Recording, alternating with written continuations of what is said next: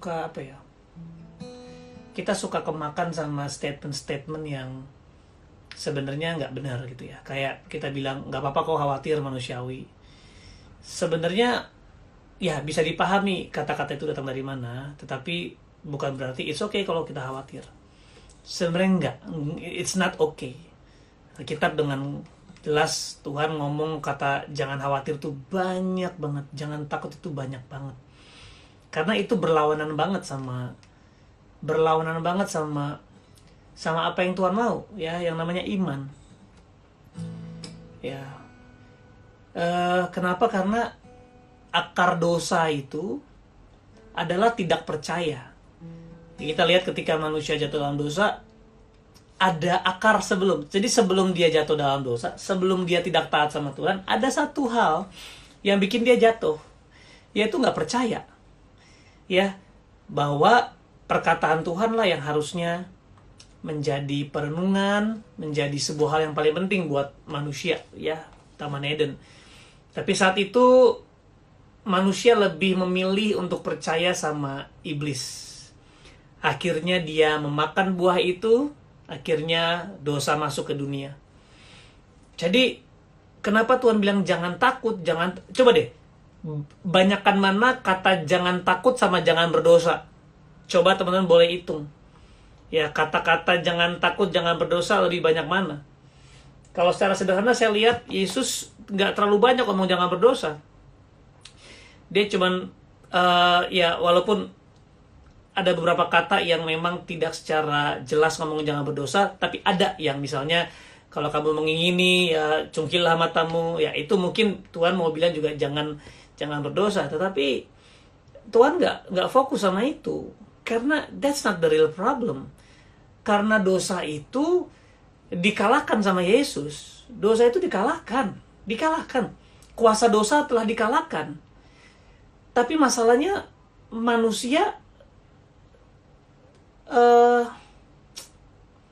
manusia lebih memilih untuk tidak percaya. Nah, this is the real problem. Gue bisa bilang bahwa memang dosa memiliki pengaruh besar juga atas kehancuran di dunia. Tetapi bagaimana dengan orang percaya dengan orang-orang yang sudah hidup dengan Yesus? Kebanyakan masalahnya bukan dosa. Walaupun pada akhirnya mereka jatuh dalam dosa tapi karena mereka nggak percaya sama firman. Mereka nggak percaya sama Tuhan. Mereka nggak percaya dengan perkataan Tuhan yang mengatakan bahwa kamu telah dikuduskan kamu telah dibenarkan bahwa everything will be okay jangan takut carilah kerajaan Allah terlebih dahulu maka semua akan ditambahkan bahwa kamu akan melewati lembah kekelaman tapi aku akan menyertai engkau tongkatku gadaku ya tapi kita nggak percaya. Kita lebih memilih enggak Tuhan. Kayaknya enggak Tuhan. Ini situasi terlalu terlalu sulit untuk Tuhan bekerja. Kayaknya enggak Tuhan.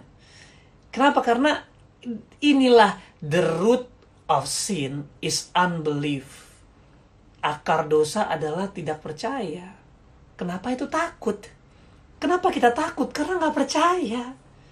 Ya, jadi uh, eh, gue setuju waktu itu eh, uh, Eca ya Eca Sumantri bikin uh, pot apa bikin live Instagram bagus banget dia bilang banyak orang Kristen bilang nggak apa-apa nggak apa-apa khawatir oh, maklum manusia no, no no tapi dia bilang enggak itu nggak kita biar dan saya setuju banget Tuhan bilang jangan takut jangan khawatir karena it's killing you it's killing your faith. Ya Tuhan berikan kita iman supaya kita bisa belajar ya supaya kita bisa hidup dalam tuntunannya supaya kita bisa hidup dalam damai sejahtera. Karena iman bukan karena melihat ya bukan karena merasa. Jadi hari ini kalau lu nanya kak lu gak ngerti apa yang gue alamin? Memang gue nggak ngerti. Dan gue yakin kalau gue jadi lu gue juga mungkin nggak mampu sama juga kalau lu jadi gue juga lu nggak mungkin mampu we we we all have uh, struggles in life tapi what do you want to believe? Apa yang lu mau percaya? Lu mau percaya keadaan lu, lu mau percaya debt collector yang lagi datang, lu mau percaya kayak gua sekarang uh, surat dari apartemen masuk lah. Ya, dia bilang kalau kamu nggak ini nggak itu nanti ada ini. Nggak jujur itu takut loh, ya menakutkan. Ya makanya teman-teman kalau lu lihat gua belakangan lagi tiba-tiba sering bikin online dan ada yang berbayar karena jujur gue punya kebutuhan. Jadi gue bilang Tuhan apa yang aku harus lakukan ya? gue nggak mau minta-minta Jadi kira-kira apa? Terus Tuhan taruh di hati gue tentang kreativitas. Apa yang lu punya? Use it. Oh, oke. Okay. I wanna bless people. That's my heart. Tapi satu sisi juga, I wanna bless my family. Yaudah deh, kita bikin konten. Nanti mereka yang mau, mereka boleh berbayar. Ya. Akhirnya gue bikin. Dan memang puji Tuhan, semangatnya banyak. Tapi ini yang menarik. Ketika gue lagi bikin, kalau teman pertanyaan, eh, perhatiin, beberapa gue buat, akhirnya bukan buat gue. Nah ini yang menarik. Waktu gue lagi mau buat, berbayar, yang daftar banyak gitu ya tapi Tuhan bilang no this is not for you aduh Tuhan gue lagi butuh buat bayar ini no, this is not for you akhirnya gue ganti gue tuh sebenarnya kalau mau bikin kelas nggak mendadak tapi ya semendadak mendadaknya pasti lebih dari satu dua hari lalu akhirnya gue ganti yaudah semua uang yang akan gue dapet akan gue donasikan sama ini. Tapi jujur teman-teman awalnya gue lakuin sesuatu tuh karena kebutuhan. Karena gue butuh bayar ini bayar itu. Tapi ternyata karena gue jujur gue gue gue sayang sama Tuhan. Gue pengen gue pengen mencintai Tuhan. Ya tiba-tiba dalam prosesnya Tuhan geser bahwa dia kasih buat ini kasih buat itu.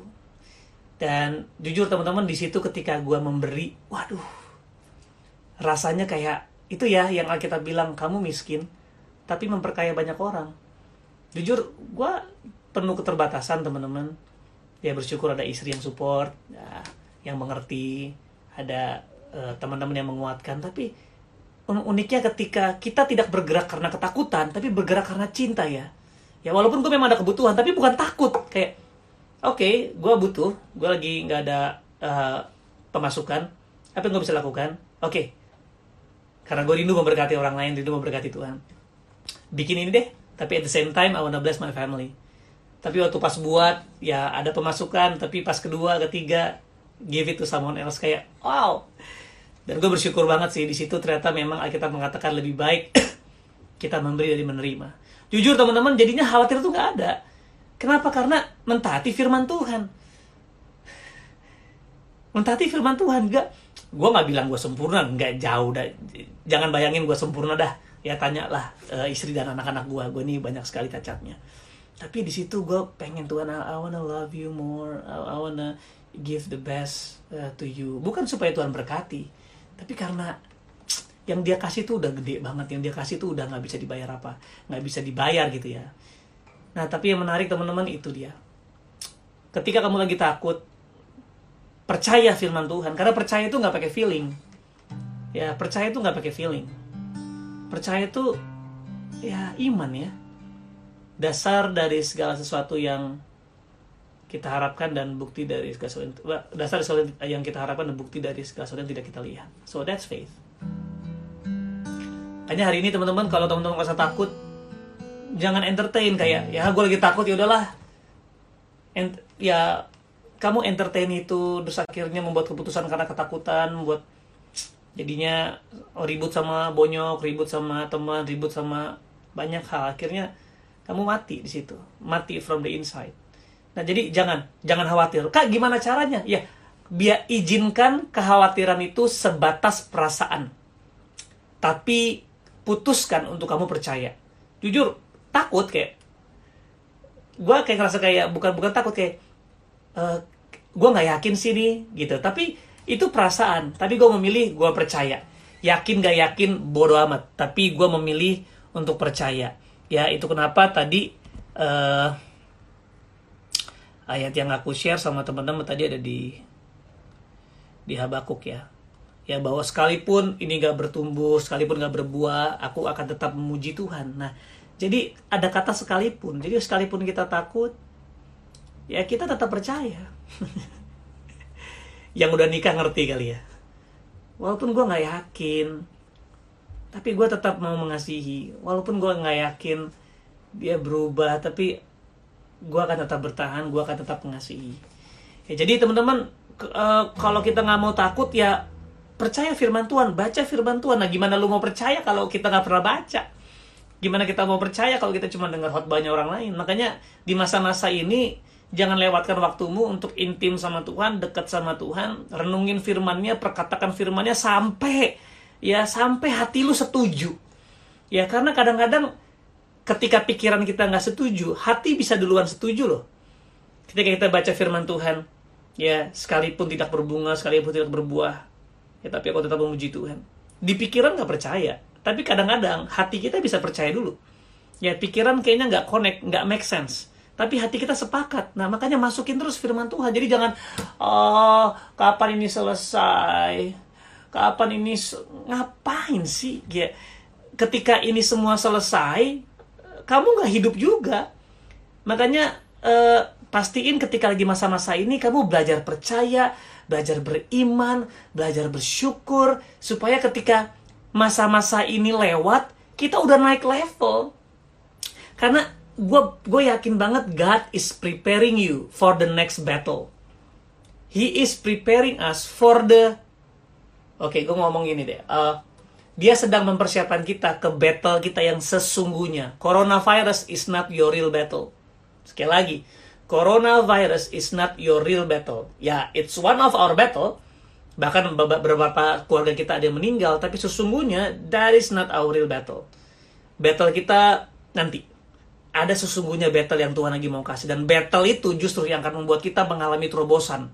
Battle ini akan membuat kita naik level lebih lagi, akan membuat kita mengalami ya Mazmur 37 bilang jangan marah kalau orang fasik itu berhasil. Jangan marah. Ya, karena lihat kita lihat sektor-sektor hotel tutup dan sebagainya orang pusing kenapa karena di sinilah Tuhan kasih lihat bahwa sia-sia kamu membangunnya kalau bukan Tuhan yang bangun sia-sia kamu berjaga-jaga kalau bukan Tuhan yang mengawal kota sia-sia kamu bangun pagi-pagi kerja kalau bukan ya karena Tuhan memberikan kepada yang dicintainya ketika dia lagi tidur nah belajar hari ini untuk beristirahat di dalam Tuhan Artinya apa sih? Jadikan Tuhan sandaran kita, jadikan Tuhan segalanya, jadikan Tuhan dasar, jadikan dia segalanya. Segalanya. Bukan perantara, oke, okay, aku mau mencintai Tuhan supaya dapat jodoh. Aku mau mencintai Tuhan supaya aku diberkati. Aku mau mencintai Tuhan supaya hidupku damai sejahtera. No, bukan. Jangan gunakan Tuhan untuk sesuatu. Ya, tetapi jadikan Tuhan itu ujung segalanya. Gak hanya ujung, jadikan dia alasan, jadikan dia hari ini untuk menuntunmu, alasan kamu hidup. Jadikan juga Tuhan sebagai tujuan hidup. Gue yakin banget, gue yakin banget. Alkitab mengatakan dia seperti pohon yang ditanam di tepi aliran sungai yang akan berbuah setiap musim. Bukan hanya pada musimnya, tapi in every season dia akan bertumbuh. Dan kita belajar dari Daud, orang-orang yang menyembah dan berdoa sama Tuhan.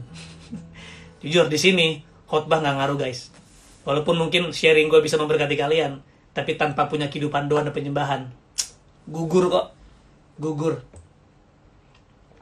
karena Tuhan pengen kita mengalami sendiri kita mengalami firman Tuhan itu benar-benar kita makan kita kunyah kita alami dan akhirnya menjadi personal revelation. Dan kamu akan kuat. Kamu akan kuat teman-teman ya.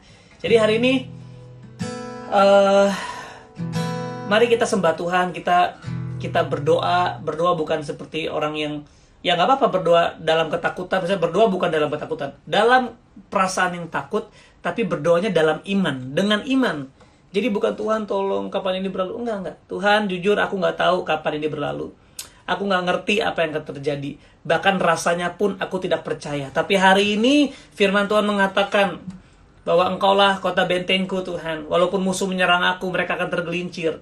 Ya, walaupun aku takut, tapi aku percaya Tuhan bahwa Tuhan akan membawa aku melaluinya. Ya, walaupun bapakku, ibuku meninggalkan aku, tapi Tuhan menyambut aku. Jadi katakan tapi kepada setiap kekhawatiranmu. Jangan gini, ya gue percaya sih, tapi lah jangan. Biar izinkan takut jadi uh, bait pertamamu, tapi jangan jadikan takut jadi akhirnya ya jadikan apa gue nggak tahu tapi ini tiba-tiba aja jadikan refnya tuh adalah iman jadi misalnya kayak hari ini aku takut Tuhan. Hari ini aku ngerasa aku sendiri. Hari ini aku ngerasa nggak berdaya. Hari ini aku ngerasa nggak tahu mau ngapain. Tapi aku percaya bahwa Tuhan sanggup. Aku percaya bahwa Tuhan ada. Aku percaya bahwa Tuhan akan mengangkat aku. Aku percaya.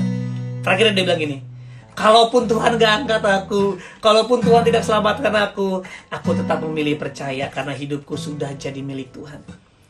Gua yakin, gua yakin 100% hidup lu akan berbeda. Karena sering kali Tuhan gak tertarik merubah keadaan lu. Tuhan nggak tertarik mengubah keadaan. Lihat murid-murid Tuhan Yesus ya, ya jauh dari apa yang kita pernah bayangin. Bukan berarti dia nggak bisa kaya loh, tapi keinginannya sudah mati untuk itu. Itu sampah kata Paulus. Gua tahu apa itu kekaya, gua apa gua tahu apa itu berkelimpahan, gua tahu apa kekurangan. Tapi aku belajar mencukupkan diriku. I learn the secret to live in every season. Dia bilang. Adalah apa? I learn to be content whatever the situation. Aku belajar mencukupkan diriku dalam segala keadaan. Gila banget. Jadi kita harus punya ini teman-teman. Kita harus punya ini.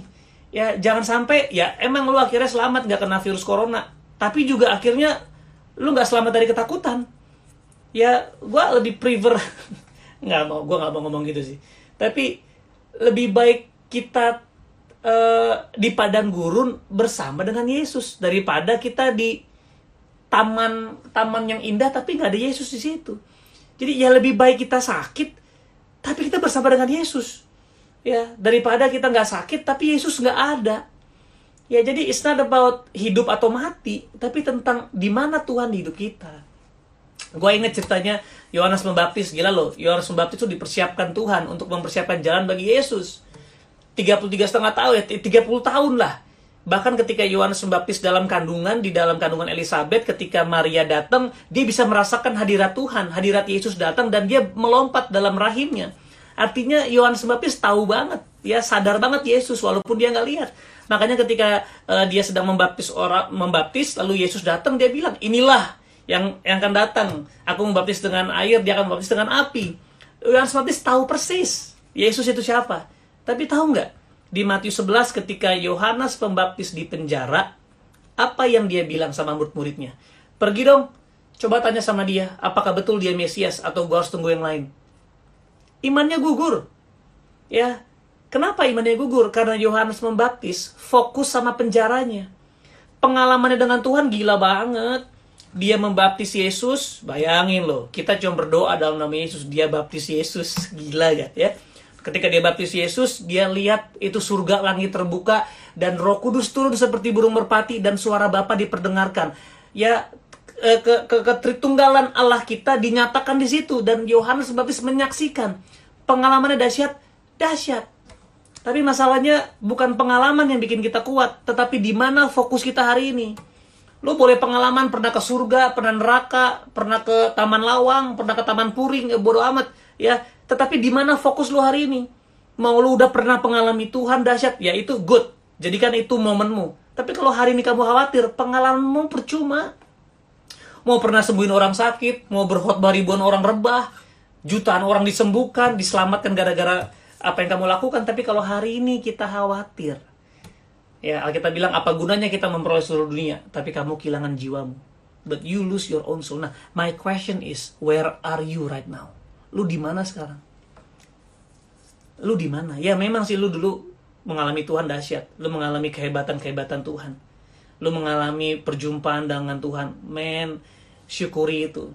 Tapi pertanyaannya, lu di mana hari ini? Ya Lukas 8:18 ketika Tuhan datang, dia mencari apakah dia mendapatkan iman. Where is your faith now? Pengalaman lu gak berharga kalau hari ini kita khawatir apalagi kecewa sama Tuhan. Tapi sebaliknya, lu punya pengalaman boleh buruk. Lu punya pengalaman boleh hancur.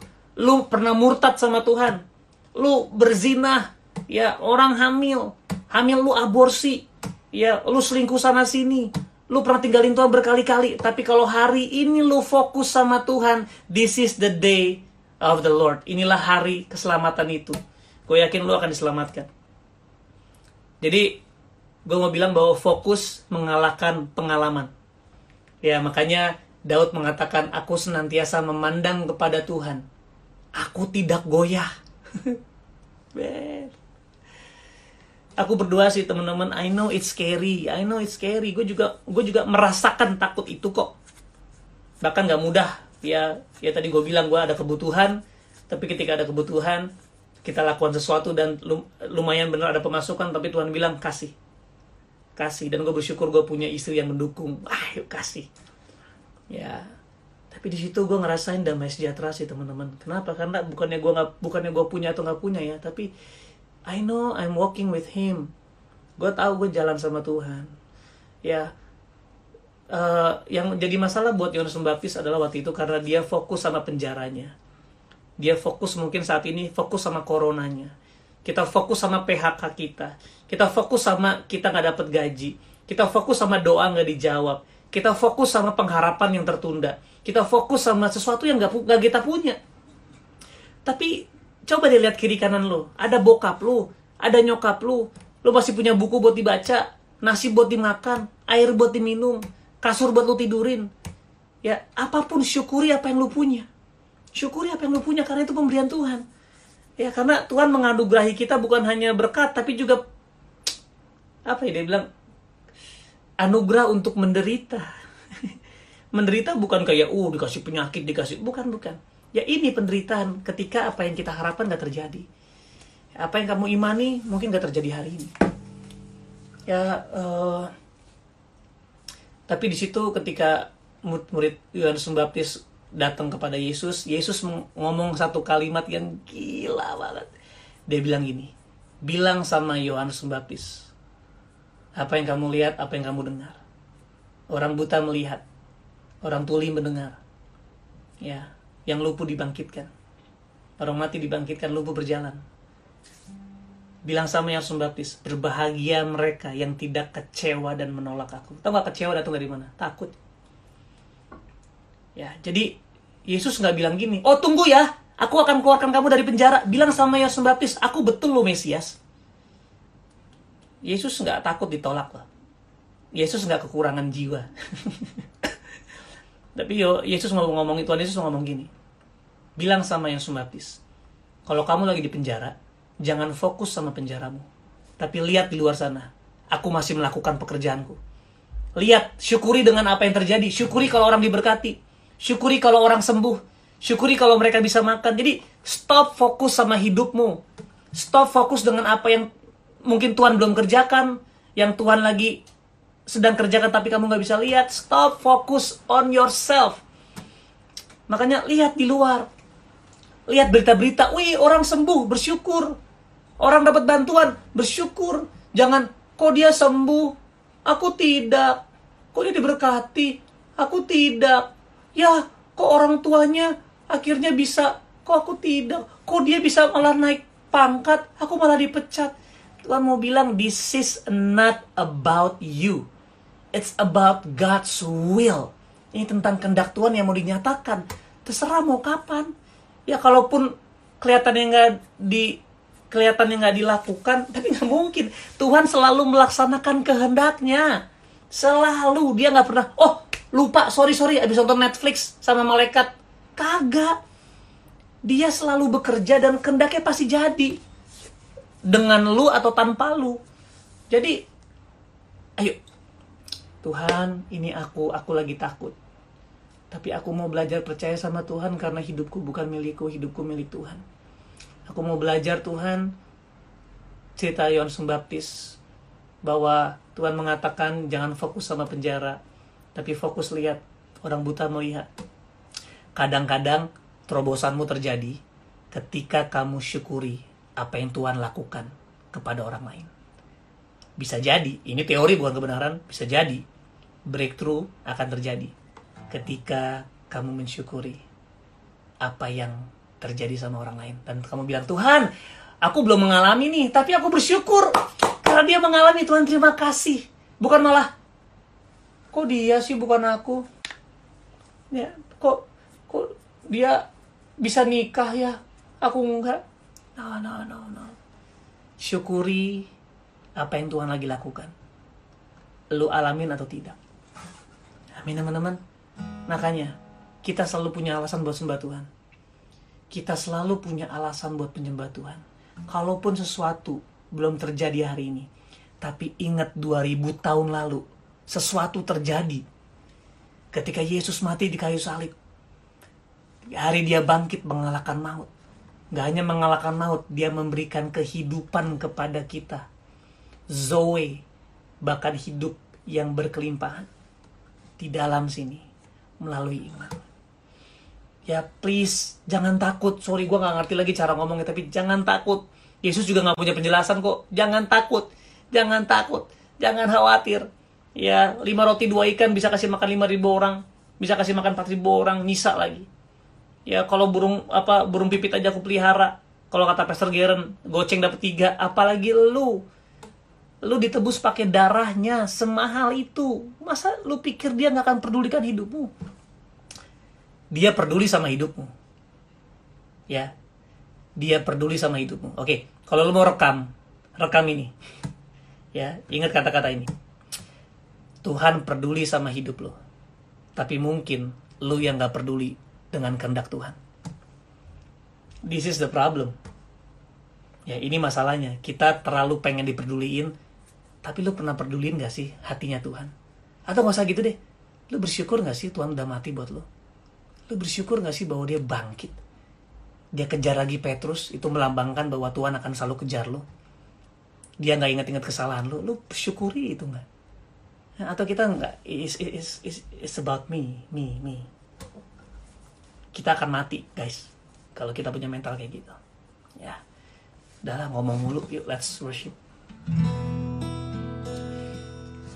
We worship you. We give thanks to you Lord.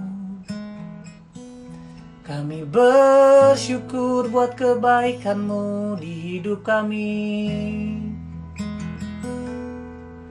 Sebab kasihmu lebih baik dari hidup. It's about you Lord, it's about you Lord, it's about you Lord. Teman-teman kalau kamu takut berlutut sama Tuhan Hari ini di tempatmu berada berlutut. Berlutut sama dia bilang Tuhan terima kasih buat kasihmu ampuni aku kalau aku khawatir aku terlalu sombong mengatakan bahwa aku lebih ngerti dari Tuhan. Ampuni ampuni kami Tuhan. Kami tahu bahwa pengampunan Tuhan pasti ada bagi kami. Nah teman-teman ambil waktu yuk. Kita ambil waktu pribadi berdoa sama Tuhan.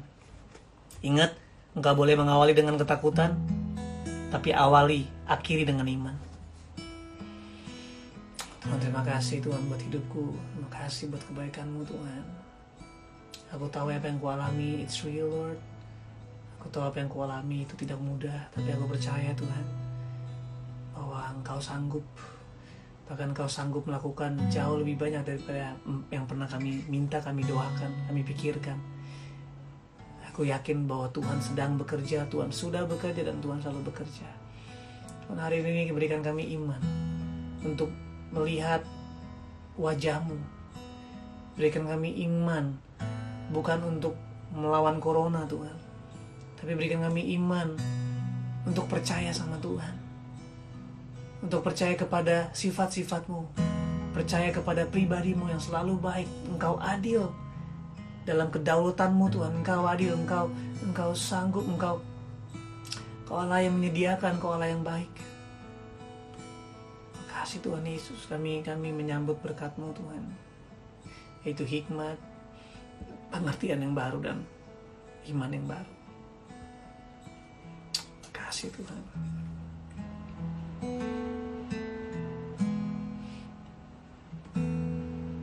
Kasih Yesus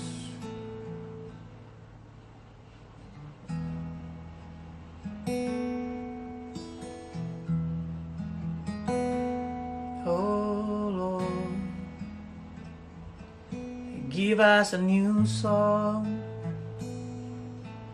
Give us a new song for a new day.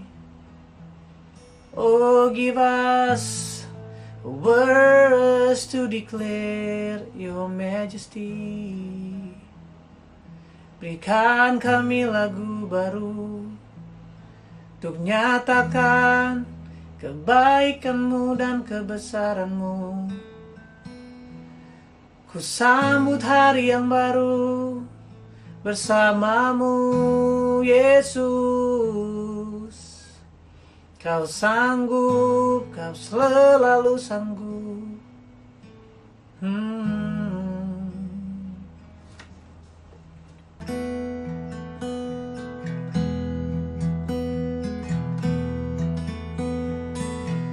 Tuhan terima kasih buat malam hari ini. Aku berdoa buat teman-temanku, keluargaku Tuhan yang hari ini berdoa dan menyembah bersama. Dan hari ini kami fokus sama Tuhan. Apa pun pengalaman kami, kalau pengalaman kami dahsyat bersama dengan Kau, puji Tuhan. Biar itu menjadi uh, momentum untuk kami uh, percaya kembali bahwa Tuhan yang sama yang telah membuat sesuatu yang dahsyat di hari yang lalu, Tuhan yang sama akan melakukan hal yang dahsyat. Tapi kalaupun kami punya pengalaman yang buruk di masa lalu Tuhan, bahkan kami pernah tinggalin Tuhan hari ini. Kami mau fokus sama Tuhan hari ini. Bahwa Tuhan itu baik. Teman-teman, aku ingin berdoa buat teman-teman secara khusus yang udah memutuskan untuk tinggalin Tuhan. Yang pernah meninggalkan imannya. Kalau memang itu kamu, aku mau bilang bahwa Tuhan sayang sama kamu. Dia gak pernah meninggalkan kamu. Dia menantikan kamu, bahkan dia mengejar engkau. Dia mengejar kamu untuk mendapatkan kamu kembali. Kalau memang kamu mau balik sama Tuhan hari ini. Yuk, biar aku berdoa sama. Kita berdoa sama-sama yuk. Tuhan Yesus, aku berdoa untuk semua teman-teman aku, keluargaku yang pernah tinggalin engkau, yang pernah meninggalkan imannya karena kecewa, karena sakit hati, karena ada hal-hal yang terjadi di hidupnya yang begitu menyakitkan, bahkan sampai hari ini pun mereka nggak punya jalan keluar. Tapi hari ini Tuhan aku berdoa, biar mereka semua menyadari bahwa ini bukan tentang jalan keluar, tapi ini tentang seorang pribadi yang adalah jalan itu sendiri. Bahwa you are the way, the truth, and the life. Engkaulah jalan kebenaran dan hidup kami percaya ketika kami datang kepada jalannya, kami menyerahkan hidup kepada jalan itu, yaitu Engkau Yesus, kami akan menemukan kebenaran dan kebenaran itu akan membawa kami kepada kehidupan yang dahsyat. Bukan hanya kami akan mengalami kehidupan, tapi semua teman-teman akan membagikan kehidupan itu. Tuhan terima kasih aku memberkati bahwa hari ini keselamatan datang. Hari ini engkau sudah diselamatkan. Dan keselamatan itu kekal, percaya bahwa dia nggak akan kehilangan anaknya. Ketika kita kembali menyerahkan hidup dia berperkara. Dia akan lakukan hal yang dahsyat. Tuhan aku berdoa supaya imannya teguh dan terus bisa berjalan dengan Tuhan. Terima kasih Tuhan Yesus dan buat kami semua hari ini Tuhan yang mungkin khawatir, yang mungkin takut, biar itu sekedar jadi perasaan, tapi tidak mendominasi kami. Tapi keputusan kami hari ini, kami mau percaya dan beriman. Terima kasih Tuhan sebab Engkau layak untuk kami percayai. Engkau layak untuk kami berharap. Sebab engkaulah Tuhan Raja kami. Kalau Bapa engkau sahabat kami. Terima kasih Tuhan Yesus. Hanya di dalam satu nama. Nama yang kami muliakan. Nama yang menjadi alasan kami hidup. Nama yang di mananya, yang di mana ada janji. Ketika kita berdoa di dalam nama ini. Engkau akan memberikannya. Bapak terima kasih. Di dalam nama Yesus Kristus kami telah berdoa dan mengucap syukur dan semua yang percaya sama-sama katakan amin. God bless you teman-teman. Ya keep praying and keep worshiping. Jangan khawatir